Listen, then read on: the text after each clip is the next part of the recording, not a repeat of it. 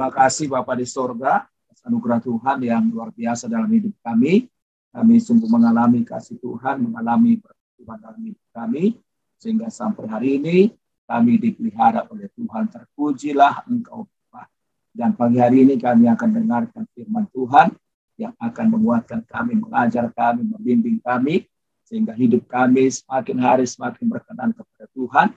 Dan kami percaya hidup kami berkenan kepada Tuhan, maka kami alami perkara-perkara besar. Setiap janji yang Tuhan nyatakan buat kami menjadi bagian hidup kami. Urapi setiap kami, beri kami kuasa melakukan firman yang kami dengarkan pada pagi hari ini untuk hormat dan kemuliaan bagi nama Bapa Yesus. Terima kasih Pak. Dalam nama Yesus Tuhan, kami berdoa dan bersyukur. Haleluya. Sama-sama katakan, Amin. Puji Tuhan. Shalom Bapak Ibu yang dikasih Tuhan. Sungguh hari yang berbahagia, hari yang luar biasa buat kita. Kembali masuk dalam hadirat Tuhan, bersekutu dengan dia. Dan kita percaya persekutuan kita tidak pernah menjadi sia-sia. Ya. Puji Tuhan, Hari ini saya berbicara tentang pentingnya iman. Dan bilang sama-sama pentingnya iman. Saya ambil natsnya dari kitab Ibrani, surat Ibrani pasal yang ke-11 ayat pertama sampai ayat yang ke-6. Ibrani, ya kan? Kalau Ibrani jangan ditakut, ya kan? Jadi orang Kristen mesti berani, ya. Ibrani pasal 11 ayat 1 sampai 6 saya akan bacakan buat kita demikian firman Tuhan. Iman adalah dasar dari segala sesuatu yang kita harapkan dan bukti dari segala sesuatu yang tidak kita lihat. Ayat 2, sebab oleh imanlah telah diberikan kesaksian kepada nenek moyang kita. Karena iman kita mengerti bahwa alam semesta telah dijadikan oleh firman Allah. Sehingga apa yang kita lihat telah terjadi dari apa yang tidak dapat kita lihat. Karena iman, Abel telah mempersembahkan kepada Allah korban yang lebih baik daripada korban Kain. Dengan jalan itu ia memperoleh kesaksian kepadanya bahwa ia benar, bahwa Allah berkenan akan persembahannya itu, dan karena ia masih berbicara sesudah ia mati. Karena iman Henok berangkat supaya ia tidak mengalami kematian dan ia tidak ditemukan karena Allah telah mengangkatnya. Sebab sebelum ia terangkat, ia memperoleh kesaksian bahwa ia berkenan kepada Allah. Nah, tanpa iman tidak mungkin orang berkenan kepada Allah.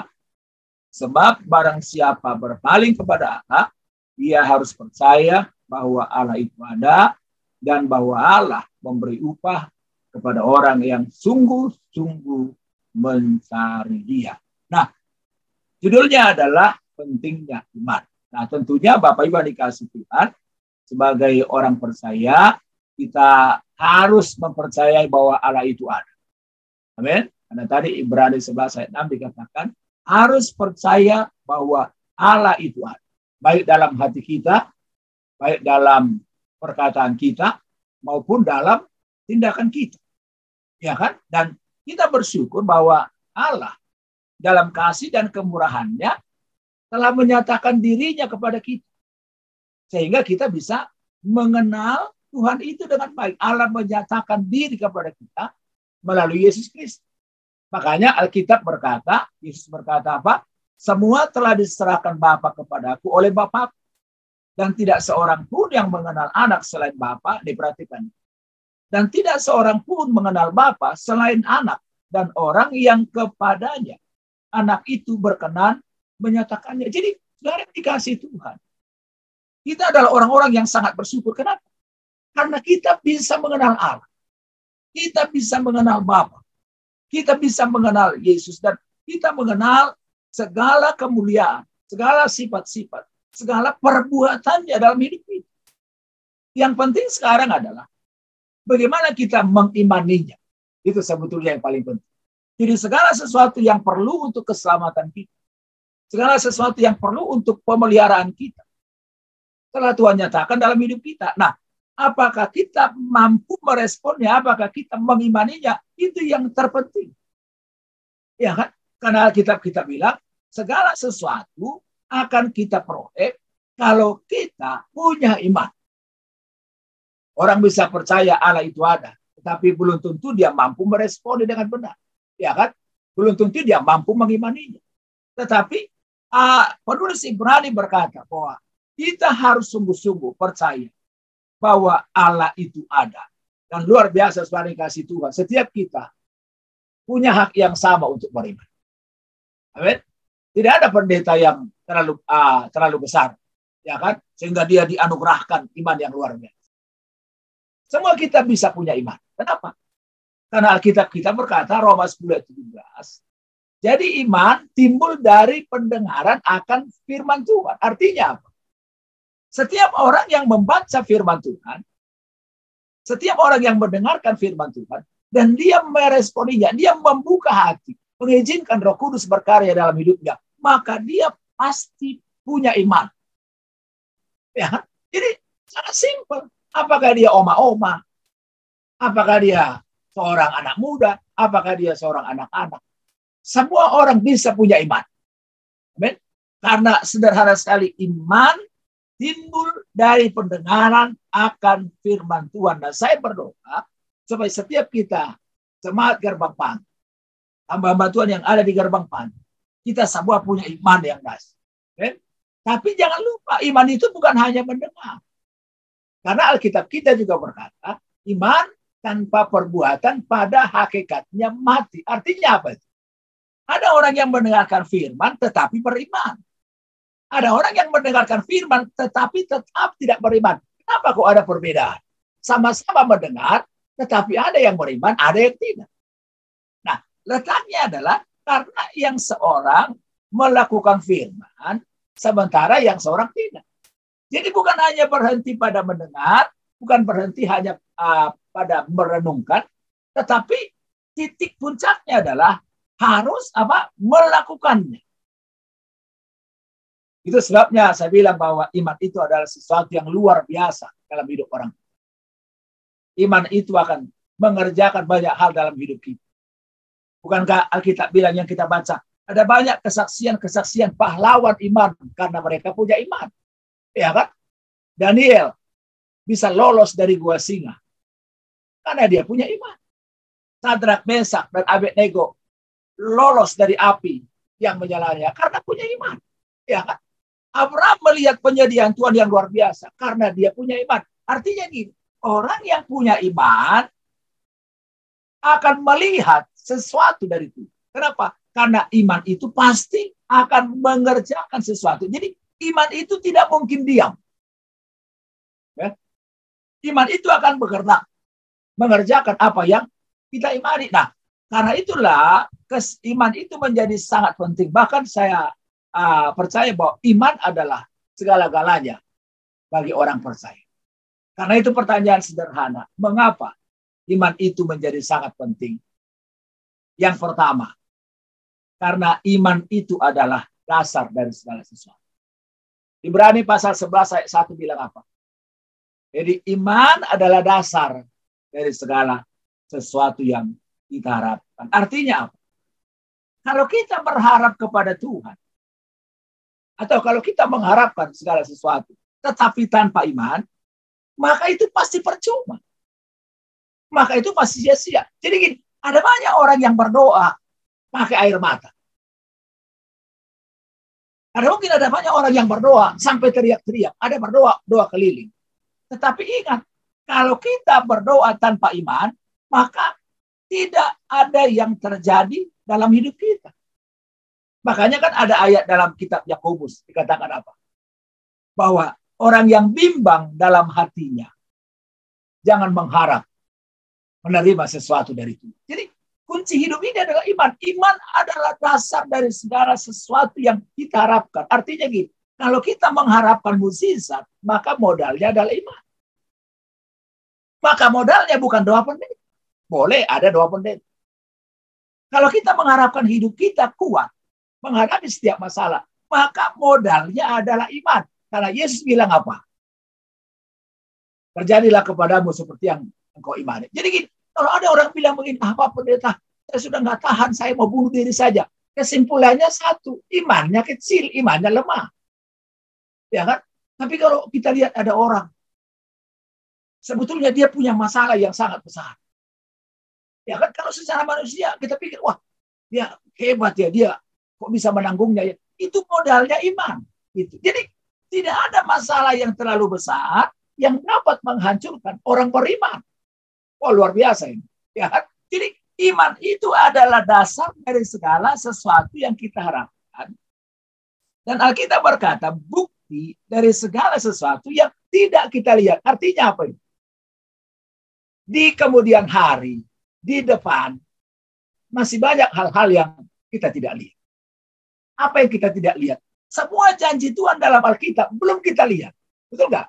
Ada yang sudah kita lihat, tetapi masih banyak yang belum kita lihat. Nah, bagaimana mengubah janji Tuhan yang tidak kelihatan menjadi kelihatan? Sangat sederhana, yaitu dasarnya iman. Makanya saya selalu percaya Bapak Ibu, orang beriman mustahil tanpa pengalaman bersama dengan. Setuju? Kenapa saya berani bilang begitu? Karena Iman itu Alkitab dasar dasar ayat dari Ibrani 11. Iman adalah dasar dari segala sesuatu yang kita harapkan dan bukti. Berarti gini, iman itu orang beriman selalu melihat bukti. Amin. Kalau kita bilang saya beriman, berarti mungkin bukti bukti hidup kita sudah semakin berubah. Ya kan? Kalau dulu kita suka tampeleng-tampeleng orang, ya kan? Sekarang nggak lagi tampeleng-tampeleng. Kalau orang bilang tampelin pakai duit, ya kan? Kenapa? Karena hidupnya sudah kasih, ya.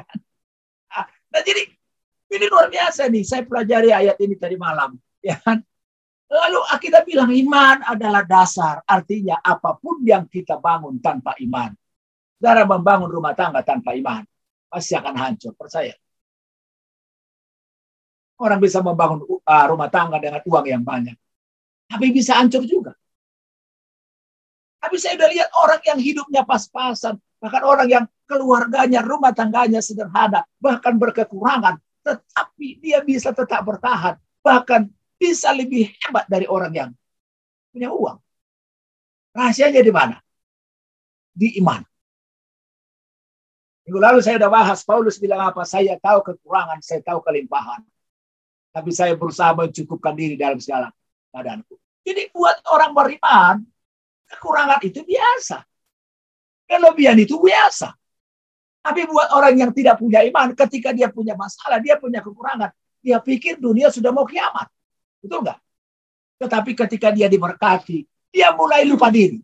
Waduh, sudah di, di gerbang pagi tamres sih nggak ada ya. Termasuk di kelapa gading nggak ada. Tapi saya sudah punya pengalaman dengan orang yang tadinya susah. Ya sorry ya, yang tadinya susah. Sekarang diberkati. Setelah diberkati, boro-boro angkat telepon, bos. Dulu itu susah Pak Pendeta doanya, kita doa sama-sama ya. Saya nggak bilang bahwa dia diberkati karena doa, doa kita, bukan. Itu imannya dia. Tapi yang saya kritisi adalah bahwa kenapa kok hidupnya bisa berubah. Dulu waktu masih susah gampang ditelepon. Sekarang udah diberkati, udah luar biasa. Boro-boro angkat telepon. Kenapa? Karena nggak berubah. Karena dasar hidupnya berkat. Tetapi buat orang yang dasar hidupnya adalah firman. Hidup diberkati bersyukur. Hidup uh, masih sederhana. Biar syukur. Gak ada yang perlu dibanggakan. Karena dia tahu segala sesuatu adalah anugerah Tuhan. Jadi yang pertama, apa pentingnya iman itu? Atau mengapa iman itu menjadi sangat penting? Yang pertama adalah iman adalah dasar dari segala sesuatu. Apa pun yang kita harapkan, apa pun yang kita kerjakan, dasarnya adalah iman. Dan Alkitab jelas bilang, apa pun yang dikerjakan tanpa iman itu berdosa. Melayani tanpa iman itu berdosa. Ibadah tanpa iman itu berdosa. Oh, luar biasa. Yang kedua, mengapa iman itu menjadi sangat penting? Di ayat 11 dibilang apa? Ayat 6. Tetapi tanpa iman tidak mungkin apa? Orang berkenan kepada Allah. Berarti yang kedua, mengapa iman itu menjadi sangat penting? Karena iman membuat hidup kita berkenan kepada Allah. Ya. Tanpa iman, tidak mungkin orang berkenan kepada Allah. Jadi, bagaimana supaya hidup kita berubah? dibutuhkan iman. Saudara, pelayanan belum tentu bisa mengubah orang. Walaupun seharusnya normalnya seorang pelayanan, seorang pelayan sudah harusnya mengalami perubahan lebih dulu, bukan berarti sudah sempurna ya. Tetapi sudah menunjukkan buah dari pertobatannya. Sehingga dia semakin berkenan kepada Tuhan. Nah, tetapi yang luar biasa, ayat 11 ayat 11 ayat 6. Tanpa iman tidak mungkin orang berkenan kepada Allah. Kenapa? Hidupnya tetap sama. Sudah lama menjadi Kristen karena tidak ada iman. Jadi semakin cepat, semakin besar iman kita, maka perubahan hidup kita semakin cepat. Ya kan? Kalau sampai ibu-ibu bilang, apa? Gue bingung lihat lu. 30 tahun lu jadi orang Kristen tapi nggak berubah, lu tambah parah. Nggak ada imannya. Ya kan? Tapi kalau dia luar biasa ya, kesaksiannya. Tadinya dia pelacur, tadinya dia wanita malam. Laki-laki malam. Ya kan? Tadinya dia seorang pembunuh. Tapi kenapa kok dia bisa berubah drastis ya? Karena ada imannya. Jadi orang yang tidak punya iman tidak pernah mengalami perubahan dalam hidupnya. Ya kan? Kenapa kita beriman? Karena kita percaya Allah itu ada. Dan orang yang percaya Allah itu ada, maka hidupnya pasti berubah. Contoh misalnya, kita masih ingat ada namanya Yusuf, seorang anak muda. Ya kan? Ketika dia digoda oleh tante Potifar, apa dia bilang? Bagaimana mungkin saya melakukan dosa yang sebesar itu di hadapan Allah?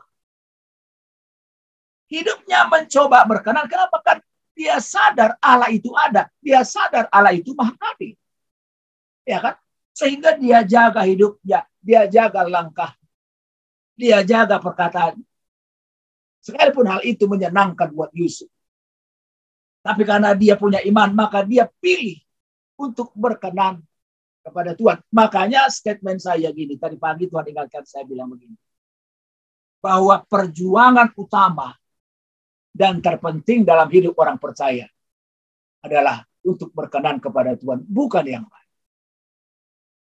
Boleh kita berjuang supaya hidup kita diberkati. Boleh kita berjuang supaya hidup kita terhormat di mata manusia. Tapi ingat, tanpa hidup kita berkenan kepada Tuhan, ujungnya pasti sia-sia. Saudara, faktanya apa? Kalau kita sudah mati, tidak ada yang bisa kita bawa. Itu fakta. Mau kita punya uang triliunan, mau kita punya uang miliaran. Kalau sudah mati, faktanya semua akan kita tinggalkan. Yang kita bawa ke hadapan Bapa adalah keberkenanan kita di hadapan Tuhan. Dan ini mau setan mau buat mau buat orang percaya. Setan akan terus menggoda kita, membujuk kita supaya hidup kita tidak berkenan kepada.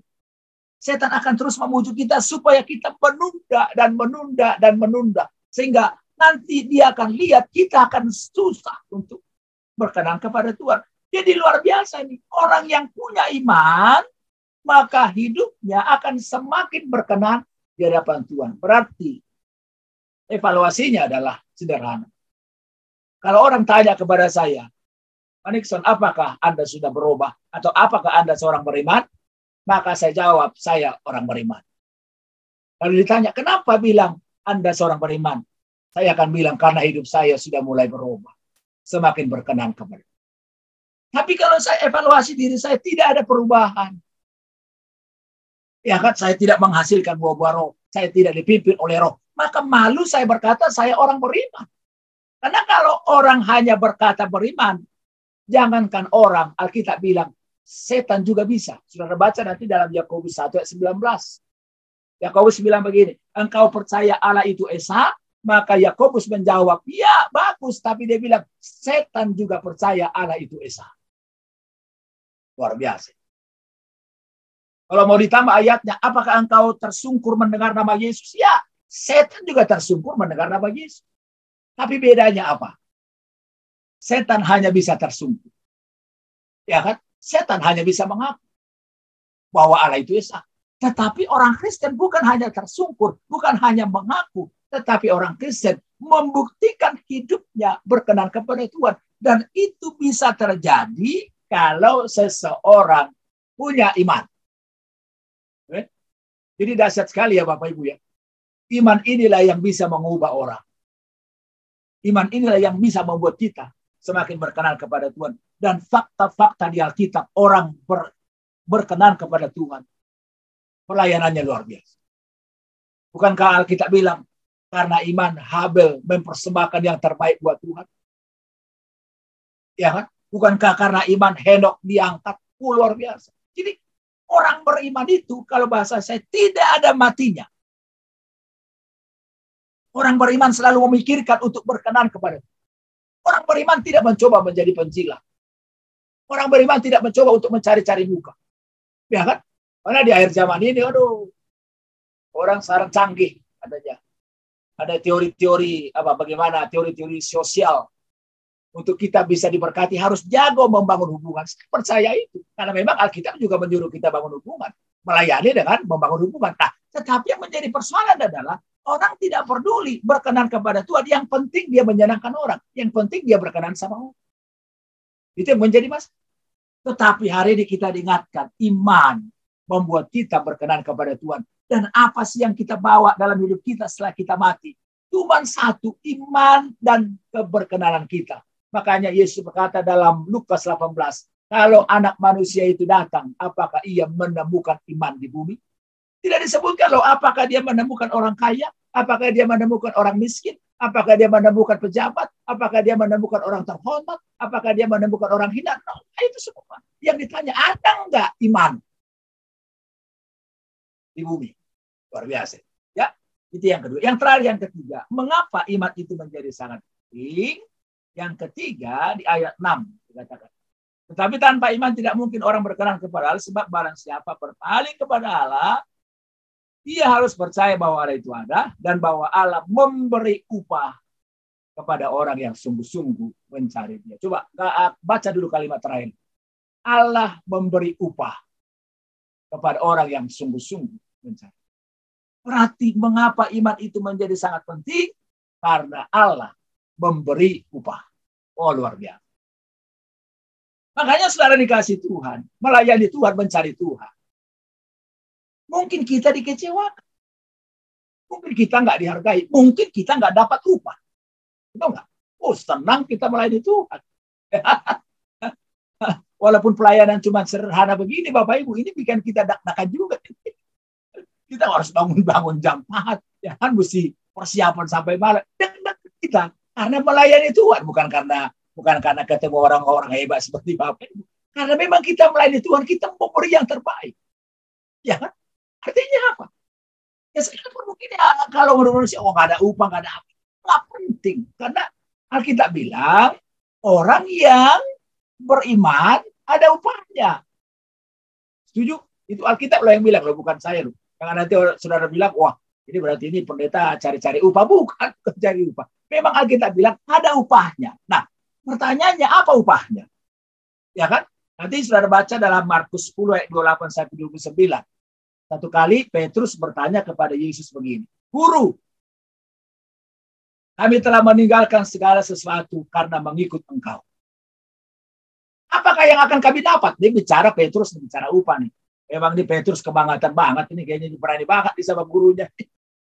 Kira-kira kalau saya bilang ke Pak Kemala, eh Pak Kemala, saya sudah meninggalkan sesuatu, apa yang saya dapat? Kira-kira Pak Kemala bilang apa? Kemala pasti bilang, eh lu masa lu melayani Tuhan bicara upah? Pasti begitu. Karena Paulus bilang, Paulus bilang, saya ingat ayatnya, Paulus bilang begini, upahku ialah jika aku melayani tanpa upah. Dahsyat lo Paulus lo. Ada ayatnya itu, upahku ialah jika aku melayani tanpa upah. Luar biasa. Jadi kita bilang dalam Markus 10 ayat 28 sampai 29, apakah upahku? Aku sudah meninggalkan engkau. Yesus bilang, barang siapa meninggalkan bapaknya, ibunya, keluarganya, saudaranya karena aku. Yesus bilang apa? Di dunia ini, di bumi ini dia akan mendapatkan seratus kali. Kan? Makanya saya terlalu percaya Bapak Ibu. Orang yang beriman, itu yang saya bilang, ada saja pengalamannya bersama dengan Tuhan. Ada saja pemeliharaannya, pemeliharaan Tuhan dalam hidup. Yesus sudah bilang kok di bumi ini, dia akan mendapatkan upah kembali. Di bumi ini dia akan melihat berkat Tuhan. Berarti berkat Tuhan bukan berarti harus kaya loh Bapak Ibu. Ya kan? Tapi kan Yesus bilang, Berikanlah kami makanan kami yang Jadi yang pertama, kita mendapatkan upah di bumi ini. Dan yang kedua adalah nanti kalau kita sudah dipanggil, kita mendapatkan upah di surga. Luar biasa. Tapi mungkin kita berkata, tapi kan Pak Pendeta, kenapa sih saya kok udah lama menjadi Kristen, saya nggak punya pengalaman bersama dengan Tuhan, saya nggak melihat upah. Mungkin masalahnya di kalimat terakhir. Karena Tuhan memberikan upah kepada orang yang sungguh-sungguh mencari. Kalau orang setengah-setengah, itu nggak berkenan di mata. Itu bikin kita stres. Ikut Tuhan kalau setengah-setengah bikin kita frustasi. Karena semua serba tidak yakin. Tetapi orang yang sungguh-sungguh mencari dia, Alkitab bilang dia mendapatkan upah. Saya masih terlalu percaya orang yang sungguh-sungguh ah, mencari Tuhan lewat doa pasti melihat jawaban doa. Setuju? Justru buat saya sebuah tanda tanya besar. Kalau orang dia bilang, saya sungguh-sungguh berdoa, saya sungguh-sungguh merendahkan diri, saya sungguh-sungguh berkenan kepada Tuhan, tapi tidak pernah melihat kuasa doa, berarti Alkitab nggak benar. Kenapa? Karena Alkitab kan bilang doa orang benar, bila dengan yakin didoakan sangat besar kuasanya. Pertanyaannya, kita alamin nggak itu doa yang besar kuasanya? Kalau belum, bukan Tuhan yang salah. Mungkin kita yang belum terlalu sungguh-sungguh, belum terlalu sungguh-sungguh. Yesus itu berdoa sungguh-sungguh buktinya apa? Satu. Yesus itu berdoa puasa 40 hari 40 malam. Sungguh-sungguh. Yesus Alkitab bilang pagi-pagi benar, pagi-pagi benar. Hari masih gelap, Yesus selalu berdoa. Yesus berdoa semalam-malaman. Luar biasa itu. Jadi kalau kita bandingkan kesembuhan doa Yesus dengan doa kita, tidak ada apa-apanya. Ya. Jadi yang ketiga, mengapa iman itu menjadi sangat penting? Karena iman itu akan menghasilkan upah bagi kita, baik di dunia ini maupun di masa yang akan datang. Jadi saya simpulkan, iman itu menjadi sangat penting. Kenapa? Karena bahkan saya bilang iman itu segala-galanya. Buat orang Kristen tanpa iman, hidup kita akan hancur, hidup kita akan uh, bosan, hidup kita akan tanpa harapan. Tetapi kalau kita punya iman, saya percaya dengan anugerah Tuhan, dengan keberkenanan Tuhan, Allah akan menyatakan kuasanya dalam hidup kita. Karena itu mengapa iman itu menjadi sangat penting? Cuma tiga. Satu, karena iman adalah dasar dalam membangun hidup ini. Yang kedua, karena iman membuat hidup kita berkenan kepada Allah. Yang ketiga, karena iman memberikan upah. Jadi kalau disimpulkan tiga kata, dasar, berkenan, dan upah. Itu saja yang saudara ingat pagi ini. Iman, dasar, berkenan, upah. Ya kan? Mau disingkat lagi apa? Dasar berarti D, berkenan apa? B, A terakhir U, upah. Berarti iman itu cuma BPU. Ya kan kita singkat BPU. Kalau kita ingat tiga kata ini berarti kita ingat dasar DBU. Ya, mari kita Bapak di sorga kami bersyukur buat pengajaran firman Tuhan buat masing-masing kami. Biar Roh Kudus yang menolong kami uh, merenungkan firman ini, melakukannya sehingga kami menjadi orang-orang yang beriman lebih dahsyat lagi sehingga kami punya pengalaman bersama dengan Tuhan. Kami percaya selama kami berperan kepada Tuhan, apa yang kami harapkan, apa yang kami doakan, doa-doa pribadi kami. Pasti Tuhan dengar dari itu. Tuhan berkati kami, usaha kami, bisnis kami, pekerjaan kami, kesehatan kami, biar Tuhan yang memberkati menurut kekayaan kasih dan kemuliaan. Dalam nama Yesus, kami berdoa dan bersyukur. Haleluya.